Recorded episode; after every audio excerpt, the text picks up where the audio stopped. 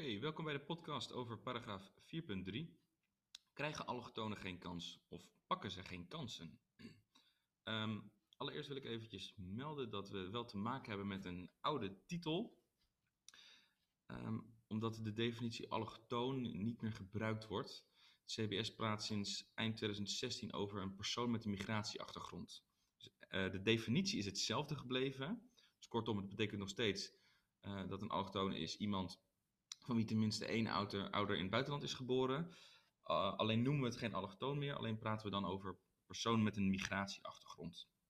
Um, reden hiervoor was omdat het woord allochtoon toch wel vaak negatief in de belangstelling stond in de media. En ze dachten van ja, um, zouden we daar een ander begrip, of tenminste niet een ander begrip, maar een, uh, ja, een, andere, een, andere, ander stel woorden voor kunnen gebruiken, wat uh, misschien minder die negatieve lading heeft. Dus hebben ze gekozen inderdaad voor persoon met migratieachtergrond. Goed.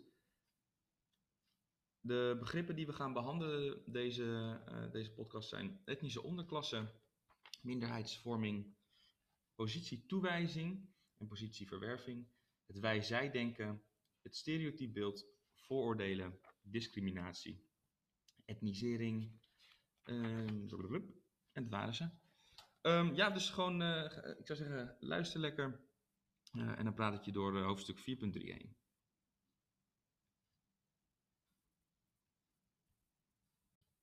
Dan beginnen we met de etnische onderklasse. en een etnische onderklasse, dat wil zeg maar zeggen dat de, ehm, een bepaalde groep met een sociaal-culturele identiteit van generatie op generatie heel laag op de maatschappelijke ladder blijft. Wat was nou ook weer die maatschappelijke ladder?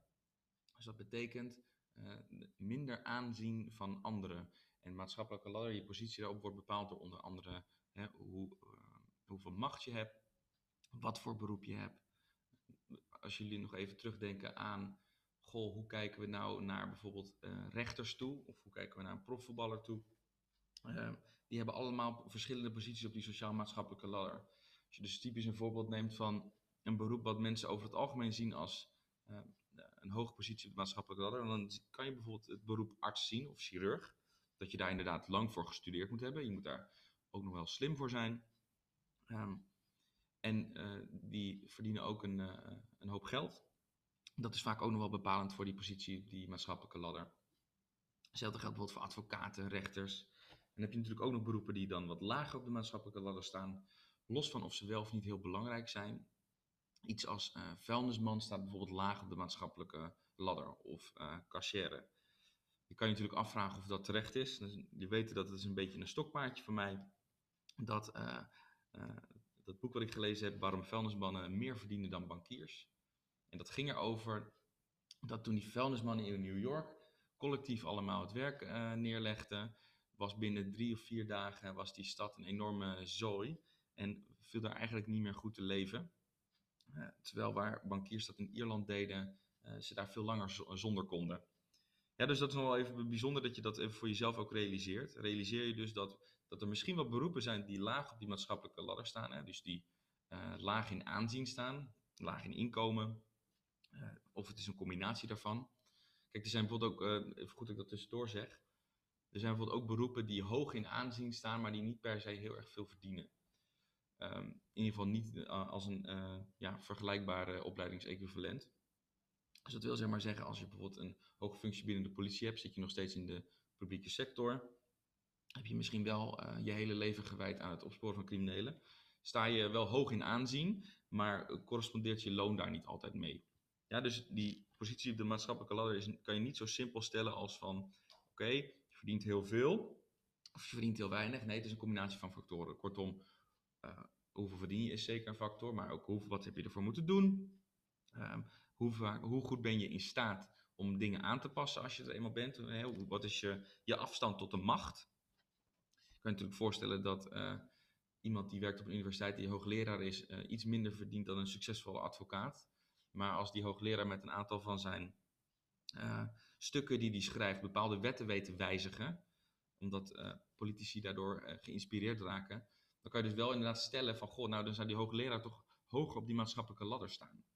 Omdat hij gewoon uh, ten eerste misschien een langere weg bewandeld heeft om daar te komen. En ten tweede omdat hij ook veel beter in staat is uh, om verandering te bewerkstelligen. Nou, uiteindelijk kan zo'n etnische onderklas leiden tot een minderheidsvorming. Minderheidsvorming houdt in dat een bevolkingsgroep allerlei sociaal-economische achterstanden heeft en tegelijkertijd op sociaal-cultureel gebied sterk afwijkt van de dominante cultuur. Ook hebben ze weinig politieke zeggenschap en betrokkenheid. Minderheidsvorming kan leiden tot ghettovorming, criminaliteit, spanningen in wijken en hoge kosten voor de verzorgingsstaat. Denk even aan, als je bijvoorbeeld gaat kijken naar die ghettovorming, dat is inderdaad dat je ziet dat. Uh, eigenlijk is het heel logisch als je erover nadenkt, want waar zijn de huizen het goedkoopst? Dat zijn natuurlijk in de slechtste wijken. Nou, dat zijn uh, een van de weinige huizen die die mensen dan zich uh, redelijkerwijs kunnen veroorloven of kunnen betalen, dan wel kopen, dan wel huren. Dus dat wil zeg maar zeggen was dat uh, al die mensen met die sociaal uh, lage maatschappelijke positie, weinig middelen, dat die gecentraliseerd worden, dat die eigenlijk bij elkaar komen te, te wonen. En dan krijg je dus iets als die ghettovorming. Dat is even één. Uh, daarbij zijn hoge kosten voor de verzorgingsstaat gepaard. Um, denk even aan allerlei uitkeringen die we als staat moeten betalen. Um, aan bijvoorbeeld extra criminaliteit in de wijk, dat daar misschien meer politie ingezet moet worden. Allerlei dat soort factoren, dat dat de belastingbetaler de overheid uh, veel geld kost. Om het begrip positietoewijzing uit te leggen, lees ik even een klein stukje voor uit het boek. Op bladzijde 149. Uh, en dan staat het een beetje linksbovenaan. Het verschil in werkloosheid tussen autochtonen en allochtonen is bij jongeren voor slechts 20% te verklaren door opleiding en werkervaring. Er is sprake van xenofobie, oftewel angst voor vreemdelingen. In de kroeg, op het werk, rond het voetbalveld en in de media worden migranten negatief afgeschilderd. Dan komt het. De samenleving geeft nieuwe Nederlanders minder kansen. De mate waarin een samenleving migranten al dan niet kansen geeft om te integreren, wordt positietoewijzing genoemd. Dus ja, dus positietoewijzing gaat erom hoeveel kansen geven wij aan in Nederland aan mensen die um, hier komen met een migratieachtergrond. En dat wordt die positie toewijzing genoemd.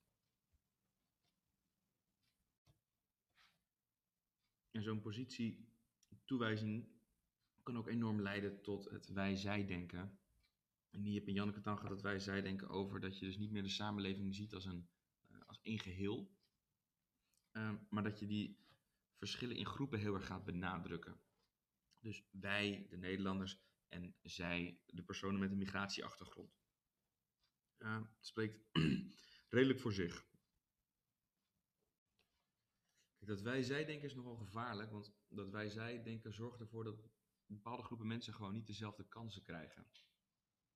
Um, om even op jullie niveau dat te betrekken. Stel je zou bij de gym uh, groepjes moeten maken voor bijvoorbeeld uh, iets als voetbal of zo, of uh, projectgroepjes in de klas, dan kies je natuurlijk altijd eerst voor je eigen vrienden of mensen waarmee je prettig samenwerkt. En zo zie je inderdaad ontstaan dat er bepaalde groepjes die heel erg goed zijn. En op een gegeven moment, als er veel van die groepjes gevormd zijn, ontstaan er natuurlijk ook nog wel iets mindere groepjes. Ja, ik wil niet het woord slecht in mijn mond nemen, maar dat betekent dus inderdaad dat uh, die allochtonen of personen met een migratieachtergrond krijgen vaker te maken met uh, de wat latere groepjes die gevormd worden. Dus die zitten minder dicht bij uh, de excellentie, om het maar even zo te zeggen. En je kan je dus afvragen of dat eerlijk is. Omdat in Nederland het zo is dat puur op basis van inderdaad dat ze een migratieachtergrond hebben. Um, want zoals ik net al eerder zei, slechts die 20% was te verklaren door opleiding en werkervaring. Nou, in Nederland denken we over het algemeen uh, dat als je goed je best doet op school en goed je best doet later uh, in je werk, dat dat je positie bepaalt. Uh, en hier lezen we eigenlijk iets anders. Hier komen we eigenlijk ergens anders achter, namelijk dat het feit dat je allochtoon bent, dat dat voor veel mensen al een soort ehm, afschrikking vormt, waardoor je dus misschien niet, niet de baan krijgt die je misschien zou verdienen op basis van je opleiding en inzet. En dat werkt zich ook weer door. Dus dat is eigenlijk een beetje een hele negatieve spiraal waar je misschien wel in blijft. Ehm, en wat, waarvan je je kan afvragen van, goh, is dat niet eens goed om dat misschien te doorbreken? gevaar bij dat wijze zit het met name in dat je bepaalde vooroordelen uh, over groepen mensen vormt. Het boek noemt er eentje, ehm, namelijk Surinamers werken langzamer. Nou, ik moet nog steeds het eerste onderzoek lezen waarin dat wetenschappelijk bewezen wordt. Maar dat is dus wel een beetje het stereotype beeld wat er over die groep Surinamers ontstaat. En dat kan hele negatieve uitwerkingen hebben. Want als jij, daar dus, als jij dat dus denkt als werkgever en jij gaat er ook naar handelen, uh, en jij komt als uh, Surinamer op sollicitatiegesprek, en uiteindelijk rond je dat uh, gesprek met succes af en komt de werkgever voor de keuze staan, oké, neem je de jongen of dame met een Surinaamse achtergrond of neem je de autochtoon, ja, dus iemand die gewoon, wiens ouders allebei in Nederland zijn geboren, en je zou dat vooroordeel Surinamers werken langzamer dan wel bewust of onbewust meenemen, dan heb je dus best wel uh, een oneerlijke strijd. Omdat dat Surinamers die, die langzaam werken, dat is gebaseerd op helemaal niets. Het is gebaseerd op iets wat, wat beweerd wordt over een groep mensen, wat niet wetenschappelijk is bewezen. Wat eigenlijk volstrekte onzin is. En die volstrekte onzin, het oneerlijke daaraan is dat die, dat, dat doorwerkt in je, je latere sociaal-maatschappelijk handelen. Dus kortom, je kan dus afgewezen worden als die vooroordelen ontstaan en mensen zich uh, daarna gaan gedragen. en je kan dus uh, dan echt wel zeggen dat, dat dat dan gaat over discriminatie. Want bij discriminatie ben je echt bezig met dat bewust of onbewust oneerlijk behandelen van mensen op grond van criteria die er in een gegeven situatie eigenlijk niet toe doen. Ook als je kijkt naar artikel 1 van onze grondwet, allen die zich in Nederland bevinden, worden in gelijke gevallen gelijk behandeld. Discriminatie op basis van, en dan krijg je al die factoren, dus denk even aan uh, geloofsovertuiging, uh, huidskleur, ras, noem maar op. Uh, en dan staat er ook nog, of op welke grond dan ook, is niet toegestaan.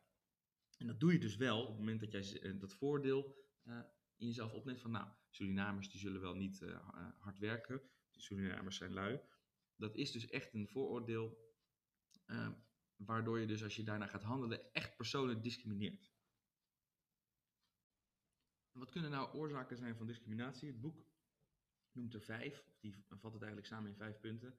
Eén, dat heeft dus te maken met socialisatie, dus dat wil kortweg zeggen. Het heeft te maken met je opvoeding. Mensen groeien op met het idee dat de eigen cultuur normaal is en dat andere culturen abnormaal zijn. Twee, het gebrek aan contact. Wanneer mensen weinig contact hebben met de andere cultuur, is deze onbekend en dus onbemind. Dus kortom, uh, een beetje dat Nederlandse spreekwoord, wat de boer niet kent, uh, dat vreet hij niet. Drie, competitie. Als mensen vechten voor dezelfde banen, huizen en huwelijkspartner, is er sprake van een belangentegenstelling. Vier, een zondeboek zoeken. Wie zelf in een vervelende maatschappelijke positie zit, reageert dat soms af op een ander. En de laatste vijf, behoefte aan binding. Als er weinig sociale cohesie is in de eigen groep, creëert men een externe vijand om weer een sterk eigen wijgevoel te hebben.